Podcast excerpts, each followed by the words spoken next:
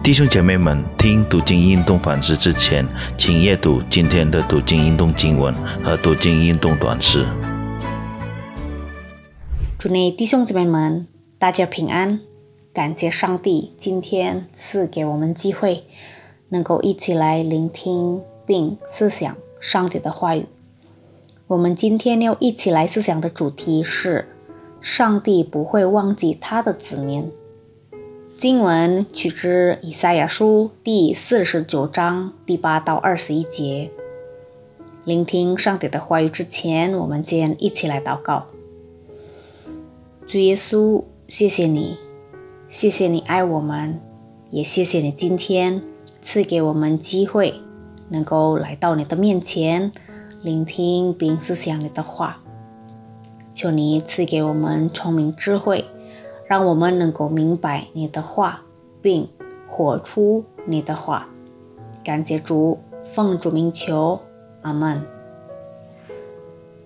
被掳到巴比伦的以色列民听见上帝呼吁他们要欢呼快乐，因为新时收越上帝安慰他的子民，也连续他的子民。但是以色列反而说。上帝已经离弃了他们，忘记了他们。这些话表明，他们怀疑上帝在他们生命中的保守看顾。尽管我们今天的生活与当时在被掳之地的以色列民不同，但是我们可能或者曾经处在长期的生活困难中。而且，这种困难是不会很快的结束。比如患上慢性疾病，或者使我们感到非常不舒服的胃疾疾病，或者我们可能会经历无法改善的经济困难，或者经历其他的生活问题。在这样的挣扎中，可能有人会质疑上帝的美善，并说：“上帝为何忍性如此待我呢？”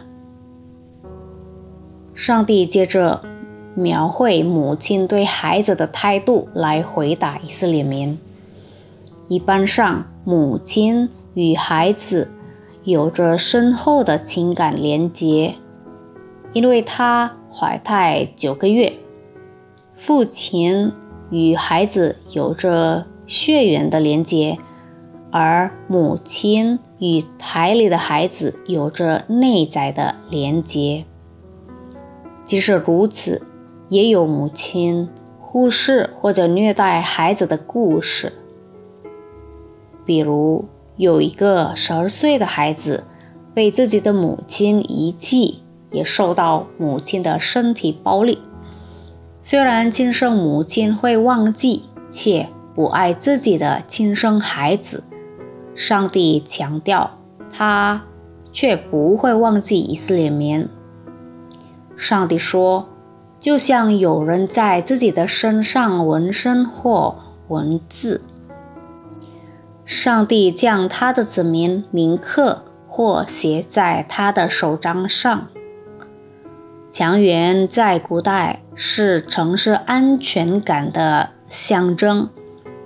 这些墙垣常在上帝的眼前，因此上帝表明他不会抛弃他的子民，他永远保护和看守他的子民。上帝照顾世人的最显然明证，就是上帝实际的存在人间。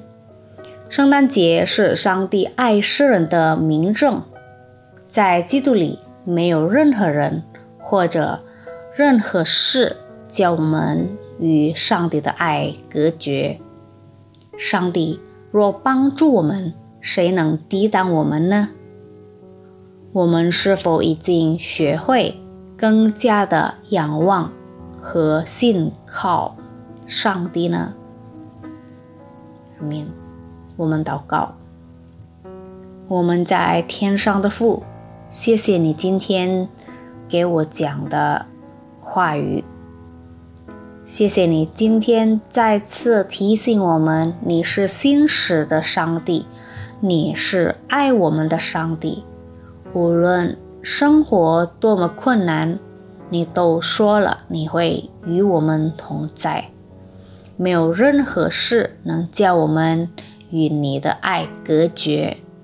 求主帮助我们学会更加的仰望你，信靠你。感谢主，我们祷告是奉靠主耶稣基督的生命祈求，阿门。